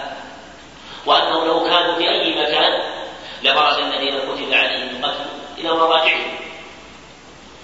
وأنهم سوف وأن من قدر عليه الموت والقتل فسوف يبرز ويخرج. ولو كان في أي مكان. لكنهم من أهل النفاق الذين يعترضون على قضائه وقدره فحصل منهم ما حصل. وهذا نوع من الاعتراض بالنوع وإراده لو في هذا الموضع على على هذه الصيغة لا يجوز. ولهذا ذكر روى البخاري رحمه الله صحيح قال باب ما يجوز من اللون إشارة إلى أن منها ما يجوز وأن منها ما لا يجوز. وقد ذكر أهل العلم في هذا كلاما وذكر أن في بعض أنها في بعض المواضع تجوز. وفي وأنها تجوز بالإجماع وفي بعضها تمتنع وقد ومن خلال النظر في كلام العلم تبين لي وظهر أنه يمكن تقسيمها إلى أقسام. يمكن تقسيم لو إلى أقسام. الحالة الأولى في حال المضي. في حال المضي. إذا كان في شيء قد مضى وانقضى. فإن كان الذي فهو إن كان الذي قد مضى وانقضى قد يكون اعتراضا وقد يكون ندما. إذا كان الشيء الشيء الذي مضى إما أن يكون اعتراضا وإما أن يكون ندما. والاعتراض على نوعين. اعتراض على سبيل الظن واعتراض على سبيل القطع. فإذا كان اعتراضا على سبيل الظن مثل لو أن إنسان حصل له حادث مثلا انقلاب سيارة فقال أو اصطدام فقال لو أني لو أنني لم أسلك هذا الطريق لم يحصل لي هذا هذا الحادث لو أني لو أنني لا سلكت هذا الطريق ما صدمت فلانا ومات فلان إذا قاله على سبيل الظن الغالب وأنه يغلب على ظنه أنه لو سلك هذا الطريق أن فلان يسلك طريق آخر. لا يسلكه هو لأن حاجته ليست من ذلك الطريق من هذا الطريق. فهذا اعتراض حرام ولا يجوز وإن كان على سبيل الظن لأنه سوء ظن بالله سبحانه وتعالى. النوع الثاني من الاعتراض إذا قاله على سبيل القطع وجعل فعله هو السبب في وقوع هذه في وقوع هذا الشيء. يقول على سبيل الجزم والقطع لو سلب لو لم أخرج في هذا الوقت مع هذا الطريق لما حصل ذلك الشيء. وجعل خروجه هو السبب في وقوع هذا الشيء. فهذا اعتراض وهو أقبح من الأول وهو بالحقيقة يفضي إلى قول المعتزلة الذين يقولون بأن العبد هو الذي يصنع فعله وكأنه جعل جعل نفسه وفعله هو السبب الأصلي في في حصول هذا الشيء. وأنه لو لم يخرج هو أو خرج مع طريق آخر لم يحصل ذلك الشيء. قطع الأمر عن قدر الله سبحانه وتعالى. فهذا فهذان النوعان من الاعتراض محرمان وأحدهما أشد تحريما من الآخر. وهذا في الماضي. النوع الثاني إذا قاله على شيء مضى وانقضى إذا كان ندما الأول اعتراض والثاني ندم. والندم على نوعين أيضا. ندم يتعلق بالدنيا وندم يتعلق بأمر الدين. ندم يتعلق بالدنيا وندم يتعلق بالدين. فالذي يتعلق بالدنيا لو أن إنسان مثلا باع أرضا له أو بيتا له أو سيارة له أو أي شيء من متاع الدنيا. ثم بعد ذلك وجد أن ما باعه بعد أيام أو بعد شهور قد زادت قيمة قال لو أنني لو أنني تأخرت فلم أبعه لكان أحسن ولا بعته الآن فكسبت مالا أكثر ودراهم أكثر. هذا أيضا في إيراد إيرادها على هذا السبيل غير مشروع وأقل أحواله الكراهة. وأقل أحواله الكراهة لأنه ندم على أمر من أمور الدنيا ثم قد يحصل له لو فرض أنه لو فرض أنه لم يفعل ذلك قد يحصل له ذلك وقد يبدو له أن لا يبيعه أو لا يطلب أو لا قد لا يحصل له ذلك. لكن هو أورده على سبيل الندم أورده على سبيل الندم. فهذا أقل أحواله الكراهة.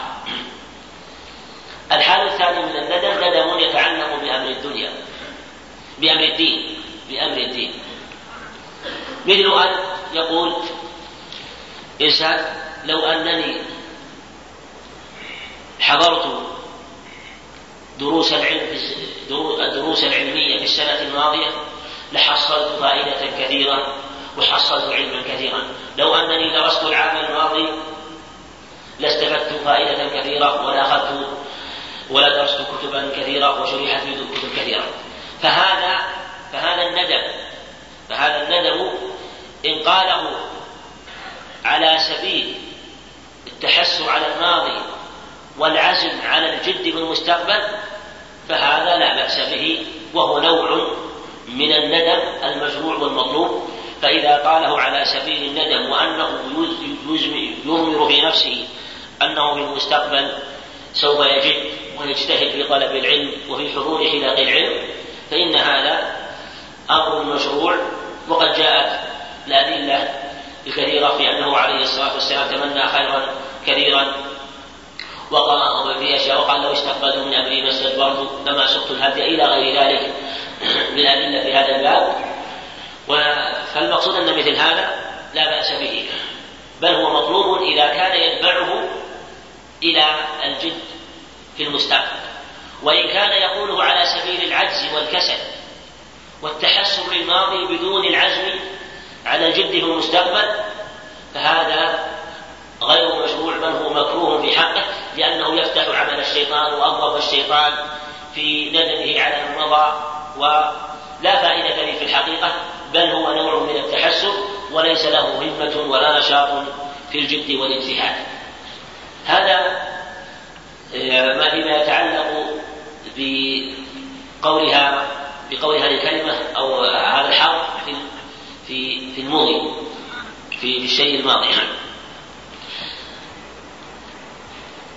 الحال الثاني قولها في المستقبل على سبيل الاستقبال. يقولها على سبيل الاستقبال. ولها ولها حالان على سبيل الاستقبال. حال منهي عنها وحال مطلوبة. إذا قالها على على فيما يستقبل من أموره على ما يستقبل من أموره في أمر مشروع مطلوب مثل ما قال لو أنني وجدت هذا الكتاب لاشتريته واستفدت منه ما وجده لكن يتمنى لو وجده. ومثلها ليت يعني ليتني وجدت هذا الكلام في حكم في معنى الحقيقة هي حتى في الماضي. لو أنني وجدت لو أنني لقيت هذا العالم لا درست على يديه ولا أخذت منه. هو لم يجده أو لم يعرف مكانه أو لم يرد بلد مثلا لكن يخبر على سبيل الاستقبال أنه لو حصل له ذلك لفعل ذلك. فهذا فهذه فقولها على هذا السبيل نوع طلب لأمر مشروع مطلوب فلا حرج بل لا بل قولها يدفع إلى عمل الخير ولا بأس بذلك. الحال الثاني أن يتمنى عملا من الخير يعني الحالة الأولى أن يتمنى عمل خير هو ليس في يده الآن. يعني الحالة الأولى هو ممكن أن تقول هو أن يتمنى شيئا من الخير لم يتمكن منه لكن لو تمكن منه لفعله فهذا أمر مطلوب مثل قوله مثل قوله عليه الصلاة والسلام في الرجل الذي قال يا لو أن لي مثله لا لعملت مثل ما عمل حديث الصحيحين حديث هريرة. لو أن لي مثله لا لعملت مثل ما عمل والحديث آخر حديث كبش العمالي إنما الدنيا لأربعة نفر. وقال رجل آتاه الله مالا فهو وعلم فهو ينفق بمال الله يعني يصل به قرابته وينفق به سمعه فيقول رجل اخر يا ليت لي مثل مال فلان فأعمل مثل ما يعمل. فهذا تمني مطلوب ومشروع لكنه لم يحصل له ولم يتمكن منه لكن يتمنى ويود ذلك ويطلبه فهو أمر مشروع ويثاب على هذه النية. الحال الثاني أن يتمنى أمرا من الخير هو موجود متمكن أو قادر من الحصول عليه لكن لعجزه وكسله لم يسعى لتحصيله فهذه رتبة منهي عنها وهي رتبة مكروهة لأنها نوع من العجز والكسل فتشبه تمني فوات الخير في الماضي مع عدم مع عدم الجد في تحصيله في المستقبل هذه أيضا تمني عمل الخير في المستقبل مع أنه قادر عليه. فالإنسان مثل الإنسان يقول لو أنني لو أنني تصدقت بهذه الدراهم لا حصل لي أجر من الله. وهو قادر على الصدقة. قادر على الصدقة والمال موجود عنده ولا يضر به. فهذا تمن هو في الحق نوع من تسويل الشيطان وفتح باب الشيطان عليه. وهكذا سائر أعمال الخير. مثل إنسان يقول لو أنني حضرت حلق العلم هذه لاستفدت علما كثيرا. يستطيع وليس ولا يمنعه مانع لكن يتمنى. ولم يجد ولم إنسان يقال له لماذا لم لماذا لا تحضر حلاق العلم يقول لو أنني حضرت استفدت خيرا كثيرا. خيرا كثيرا وعلما كثيرا. يا ليتني أحضر وبد و... ولو أني حضرت لحصل لي فائدة كثيرة وعلم كثير. ولا يمنعه مانع. بخلاف الإنسان يتمنى هذه الحلاق وليست موجودا عنده. أو يتمنى لقاء العلم وليسوا موجودين في بلده ولا يتيسر له ذلك. فهذا هذا تمني منهي عنه وذاك تمني مشروع لأن هذا يمكنه عمله وذاك قد لا يمكنه عمله أو يشق عليه. فهذه هي مدارات استعمالها في الماضي وفي الاستقبال ولأجل أنها قد تكون في حال منهيا عنها وفي حال هي مطلوبة أوردها المصنف رحمه الله على جهة العموم ولم يذكر شيئا آه، يعني بالترجمة مما يدل على منع بعضها أو جواز بعضها لأن منها ما هو جائز ومنها ما هو ممنوع. لكن أشار في هاتين الآيتين إلى ما هو ممنوع كما سبق. وذكر أيضا قوله تعالى الذين قالوا لإخوانهم وقعدوا لو أطاعونا ما قتلوا. وهذا هو الذي وقع لعبد لعبد الله بن أبي بن سلول حيث أنه لما في غزوة أحد خرج النبي عليه الصلاة والسلام وهو كان رأيه أن يبقى في المدينة ولا يخرج فخرج عليه الصلاة والسلام وخرج معه ابن أبي ثم لما كان في الطريق رجع بثلث الجيش فكلمه آه، عبد الله بن عمرو بن حرام قال جاء بن عبد الله فلم يسمعوا له وقال عصاني وأطاع الفتيان أو صغار أو صغار ما أشبه ذلك. وأخبر وبعد ذلك لما وقع ما قالوا لو اطاعونا ما قتلوا. فرد الله عليه ذلك وبين أن هذا نوع اعتراض وأن هذا مما يقع من المنافقين دائما في مثل هذه الأحوال فيقولون مثل هذا الكلام. وأن مثل هذا لا يكون من أهل الإيمان ولهذا كان من رحمة الله سبحانه وتعالى أن تمنع عليهم بالامنه والنعاس الذي اصاب في تلك الشده, الشدة التي هي في الجهاد من الرحمن كما قال عبد الله بن مسعود أما في الصلاه فهي من الشيطان. فالنعاس في مواطن الذكر وحلق العلم وفي المساجد وفي الصلوات هذا من الشيطان. أما في الجهاد في موطن الشدة وموطن القتال والسنان والسلاح فإنه لا تكون الأمنة إلا مع زيادة اليقين والإطمئنان والثقة بالله سبحانه وتعالى. فلا يمكن أن يصل هذه الدرجة حتى يصيبه النعاس إلا مع شدة الإيمان والثقة بالله سبحانه وتعالى. بخلافه في الصلاة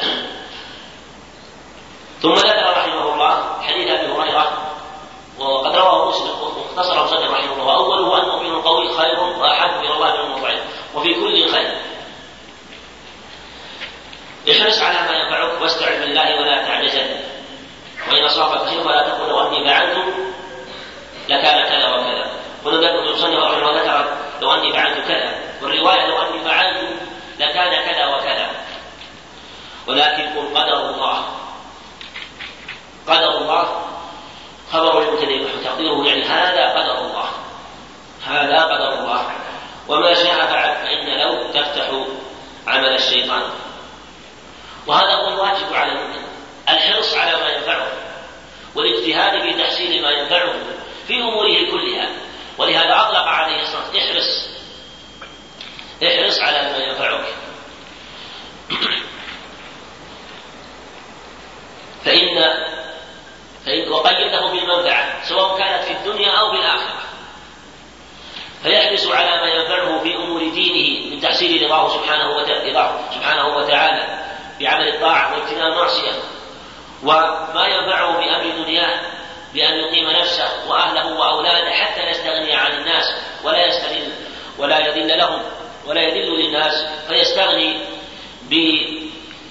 بهذا الشيء ويكف نفسه ويكف من يحوطه من أهله وأولاده وقد يزيد به الأمر فيتصدق وينفع نفسه وينفع غيره. فهذا هو احرص على ما ينفعك. الحرص بالعمل والجد والاجتهاد. بالاستعانة بالله. إياك نعبد وإياك نستعين. احرص على ما ينفعك بالعمل بعبادة الله وطاعة الله. واستعن بالله. وهذا وهذا هما أصل العبادة لله سبحانه وتعالى. إياك نعبد وإياك نستعين. تعبده سبحانه وتعالى وتستعين به. تعبده في جميع أحوالك وفي جميع أمورك مع الاستعانة وطلب العون والمدد منه سبحانه وتعالى. فإنه إن لم يعد سبحانه وتعالى فإنه لا تنتظم أموره ولا تصلح أحواله فلا بد من الاستعانة. واستعن بالله ولا تعجزن. فالعجز منهي عنه. فعليك بالعمل والجد وتحصيل الخير والاجتهاد في تحصيل الطاعة والحرص على أدائها على الوجه المطلوب كما أمر الله. ثم بعد أدائها عليك بالاستغفار من التقصير في أدائها. فلك حالان في أداء العبادة حال قبل أدائها بالحرص على أدائها على الوجه المطلوب. كما أمر الله. وحال بعد أدائها بالاستغفار لله سبحانه وتعالى من التقصير في أدائها. وهكذا شأن المؤمن في عباداته كلها. وأعظم هذه العبادات الصلاة. بعد سنة الواجب يقول أستغفر الله أستغفر الله أستغفر الله. اللهم أنت السلام ومنك السلام تباركت يا ذا الجلال والإكرام. بعد السنوات تقول أستغفر الله. فأنت قبل الصلاة تجتهد. في الحضور لها بشروطها بأن تتوضأ كما أمرك الله وأن تتجه إليه سبحانه وتعالى وأن تصلي كما أمرك الله وبعد الصلاة تستغفر الله سبحانه وتعالى. وهكذا بالحج وهكذا بعبادة الصوم يؤدي عبادة الصوم ويجتهد في أداء على وجه المطلوب وفي ختامه يكبر الله سبحانه وتعالى تماما لعبادته ويختمه بعبادة بدنية وهي التكبير وعبادة مالية وهي الصدقة. زكاة الفطر. احرص على ما ينفعك. فهذه هي حالك في العبادة سبحانه وتعالى. كما أنه لك حال في المصائب. في المصائب. تحرص في الأسباب التي تجنبك الوقوع فيها وفي المصائب والشرور. وتستعين بالله سبحانه وتعالى على ذلك. بدعائه وسؤاله واجتناب مواقع الزلل والخطر. ثم لو وقعت فلك حالان حال الصبر والرضا. حال الصبر واجبة وحال الرضا مستحبة على التحقيق عند أهل العلم ليست واجبة. لكن هذه حالك الواجبة الصبر لقضاء الله وقدره. الذين إذا أصابتهم مصيبة قالوا إنا لله وإنا إليه راجعون. هذه هي حالك. ف... فلك حال في عند المصائب وهو الرجوع إليه سبحانه وتعالى وأن مرد أمري إليه بخلاف حالك عند المعارف وهو الاستغفار الاسترجاع عند المصائب والاستغفار عند المعارف. ولا تعجزن.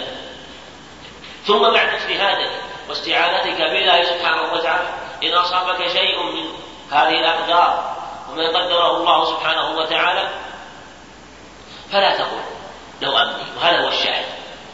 فلا تقل لو أني فعلت فيما مضى عليه لكان كذا وكذا. هذا نوع اعتراض على قدر الله وسوء ظن بالله سبحانه وتعالى. لكن عليك أن تسلك سبيل الجد والعمل والاجتهاد والواجب عليك أن تقول هذا قدر الله.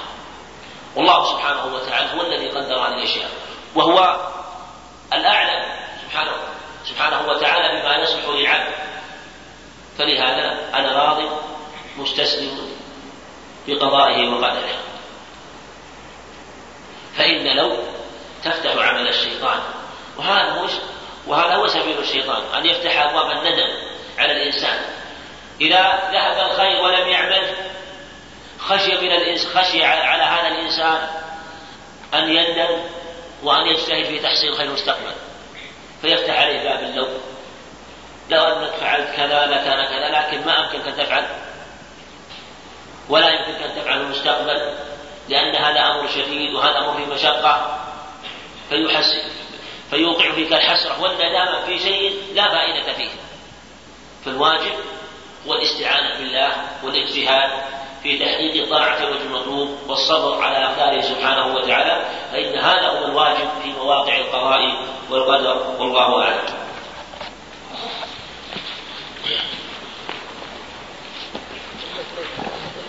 نعم ليت أنها مثل النوم. في المعنى مثل النوم. ليت ليتني فعلت كذا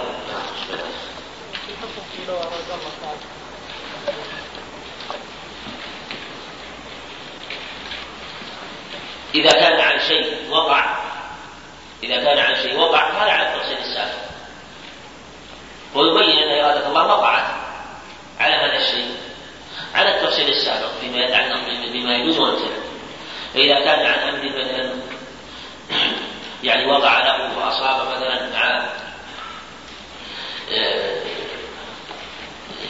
يتحسر عليه مثلا فهذا منهي عنه كما سبق. فهو إثبات بقضاء الله وقدره فيما مضى. أما في المستقبل فإنه لا يعلم ذلك. باب النهي عن سير الريح؟ وذلك أن جميع ما في الكون من خلق الله سبحانه وتعالى فهو المدبر لجميع ما في هذا الكون.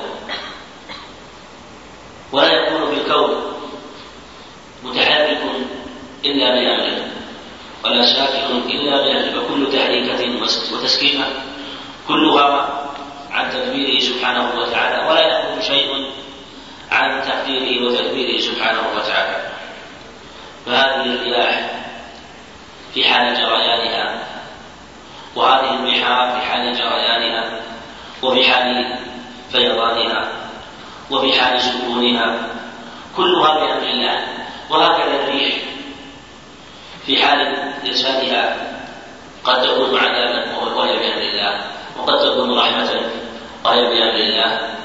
وقد تكون من المصالح التي تعلم أو لا تعلم لأن هذه الرياح فيها مصالح في الكون إذ لو لم توجد قد يفسد هواء الناس أو قد تفسد أطعمتهم أو شرابهم فلها منافع فليس في الكون شيء.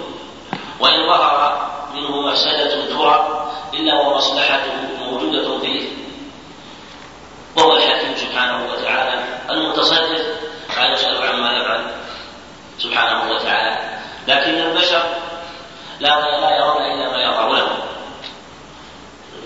فإذا رأوا مفسدة ظاهرة قد تكون المصلحة موجودة وقد تكون مخفية.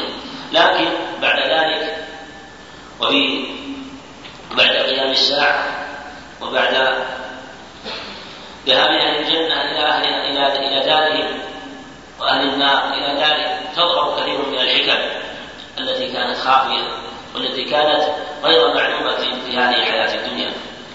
ولهذا قد يكون من الأمور ما لم تظهر حكمته ولم تتبين وفيها من الحكم الشيء الكثير لكن لم تتبين لأنه سبحانه وتعالى لو أظهر الأمر على وجهه لو وقع التكليف لكن جعل العباد مكلفين. فيمتثلون إن ظهرت لهم الحكم والمصالح فكان خيرا على خير. وإن لم تظهر فليس عليهم من التسليم والإيمان بما أمر به سبحانه وتعالى وبما يصرفه ويكونه في هذا الكون فجميع ما يكون في هذا الكون هو بأمره سبحانه وتعالى. ولا تخرج ذرة من الكون ولا تسقط ورقة ولا حبة ولا ولا يغيب ماء فيها في بطن الأرض إلا بعلمه سبحانه وتعالى. وفي هذا بيان كفر الفلاسفة الذين أنكروا علم الله سبحانه وتعالى من الجزئيات الذين يقولون إن الله لا يعلم الجزئيات إنما يعلم الكونيات يعلم نفسه رحمه الله أو يعلم نفسه هو العالم العلوي أما العالم السفلي بجزئياته ما يكون فيه من قتال وما يكون فيه من مصائب وما يكون فيه من موت وما يكون فيه من سقوط دول وقيام دول من جزئيات هذا الكون لا يعلم الله سبحانه وتعالى. كل هذا كفر منهم به سبحانه وتعالى بل هو سبحانه وتعالى عالم بما بجميع ما يكون في الكون. كلياته وجزئياته بل وإن دقت في الصغر فإنه سبحانه وتعالى يعلمها ولا تخفى عليه سبحانه وتعالى.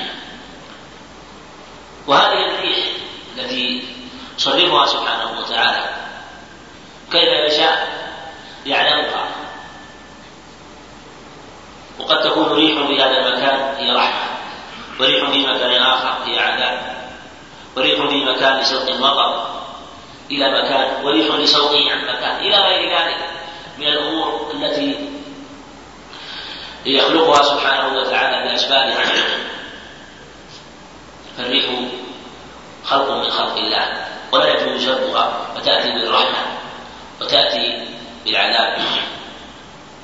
ولهذا نهي عن سبها وقد جاءت الأخبار بهذا عنه عليه الصلاة والسلام. وساق المصنف رحمه الله حديث أبي بن كعب هذا. وفيه إشارة إلى أن الريح لا تستطيع أن تعمل شيئا إنما هي مأمورة مدبرة. مع أن هذه الريح لو أمرها الله سبحانه وتعالى لاقتلعت بآدم واقتلعت أقواما بكاملهم وأهلكتهم. بهذا أن كل شيء بيده وأنه سبحانه وتعالى هو المصرف والمدبر لهذا الكون. وفيه إشارة إلى المجد اللجأ إليه سبحانه وتعالى والضراعة إليه والتعلق به سبحانه وتعالى وحده. وأن من يتعلقون بالأموات أو بالأولياء فإنما يتعلقون بأمور لا حقيقة لها. من جهة الحس لا حقيقة لها ولا وجود لها. ثم هي من جهة أدلة الشرع كفر به سبحانه وتعالى إذ أنهم عبدوا هؤلاء دونه سبحانه وتعالى أو جعلوهم وسائل. قال رحمه الله وعن أبي كعب أبي بن كعب الصحابي الجليل المشهور الأنصاري الخزرجي من فقهاء الصحابة ومن قرائهم صح الحديث أنه عليه قال أقرأ ابن أبي وفي الصحيحين أنه عليه قال إن الله أمرني أن أقرأ عليك. لم يكن الذين كفروا من أهل قال وسماني قال نعم. فبكى أبي رضي الله عنه. قيل بكى فرحا قيل بكى خشية أن يقوم بشكر هذه النعمة حيث ذكره سبحانه وتعالى باسمه. وأخباره كثيرة ومناقبه كثيرة رضي الله عنه. واختلف في وفاته اختلاف كثير اختلافا كثيرا قيل توفي سنة أقل ما قيل منه سنة 19 قيل سنة 20 قيل سنة 22 وأكثر ما قيل ثلاثة سنة 33 وأكثر أهل العلم على انه توفي في خلافة عمر أو في آخر خلافة عمر. مسألة عشرين أو سنة اثنتين وعشرين. هذا عليه يعني أكثر المؤرخين وأهل الحديث؟ رحمه الله أن رسول الله عليه الصلاة والسلام قال لا تسبوا الريح. نهي عن سب الريح. فيه تحريم سب الريح وأنها ولا يجوز سب الريح. لا تسبه الريح. وذلك أن الإنسان الغالب مجبول على دفع ما يجد منه أذى أو شيئا من المصيبة لكن هذا قد يسبب له الريح في في بدنه أو في بدن أو في ثيابه أو أو ما أشبه ذلك تنازعه مثلا فقد يشقها ويؤذيها إذا حصل له منها شيء من الإيذاء فقال عن نفسه بالريح فإذا رأيتم ما تكرهون فإذا رأيتم ما تكرهون. في هذا في قوله ما تكرهون شار إلى أنهم قد يرون شيئا هم يكرهونه وقد يكون في الحقيقة ليس شيئا مكروها. قد قد تكون هذه الريح قد يكون فيها خير وقد يكون فيها نفع ولأجل هذا أمره عليه الصلاة أن يسأل الله خيرها. فهو في باب الأمر قد تكون قد يكون شيئا مكروها لكن لا ينبغي الجزم بهذا بل عليك أن تتأنى. ولهذا أمره عليه الصلاة والسلام بالمشروع بقوله كما هنا. اللهم إنا نسألك من خير هذه الريح وخير ما فيها ونعوذ بك من شر هذه الريح وشر ما فيها اللهم إنا نسألك من خير هذه الريح يعني من ذاتها من خير ذاتها ومن خير ما فيها مما يكون مما يكون من شر أو قد تصيب به أذى وقد أو قد تسوق مثلا سحابا فيكون في مطر شديد فيكون فيه غرق أو ما أشبه ذلك. فيسأل الله على جهة العموم خير ما فيها. مهما آه، مهما كان هذا ويسأله سبحانه وتعالى أن يكفيه شر ما فيها. مهما كان. قد يكون منها هي وقد يكون بواسطتها. قد يكون الخير منها هي وقد يكون بواسطتها بواسطة ما تسوقه. ولهذا كانت الريح نصرا للنبي عليه الصلاة والسلام بذاتها حيث جاءت إلى الأحزاب فغلبت عليهم فغلبت عليهم الخيام ورصد القدور وسببت لهم شرا كثيرا حتى صرفهم صرفهم الله بسبب الريح عن النبي عليه الصلاة والسلام وأصحابه ولم يستطيعوا أن يعملوا شيئا. وخير ما فيها قد يكون بواسطتها مما تؤمر به.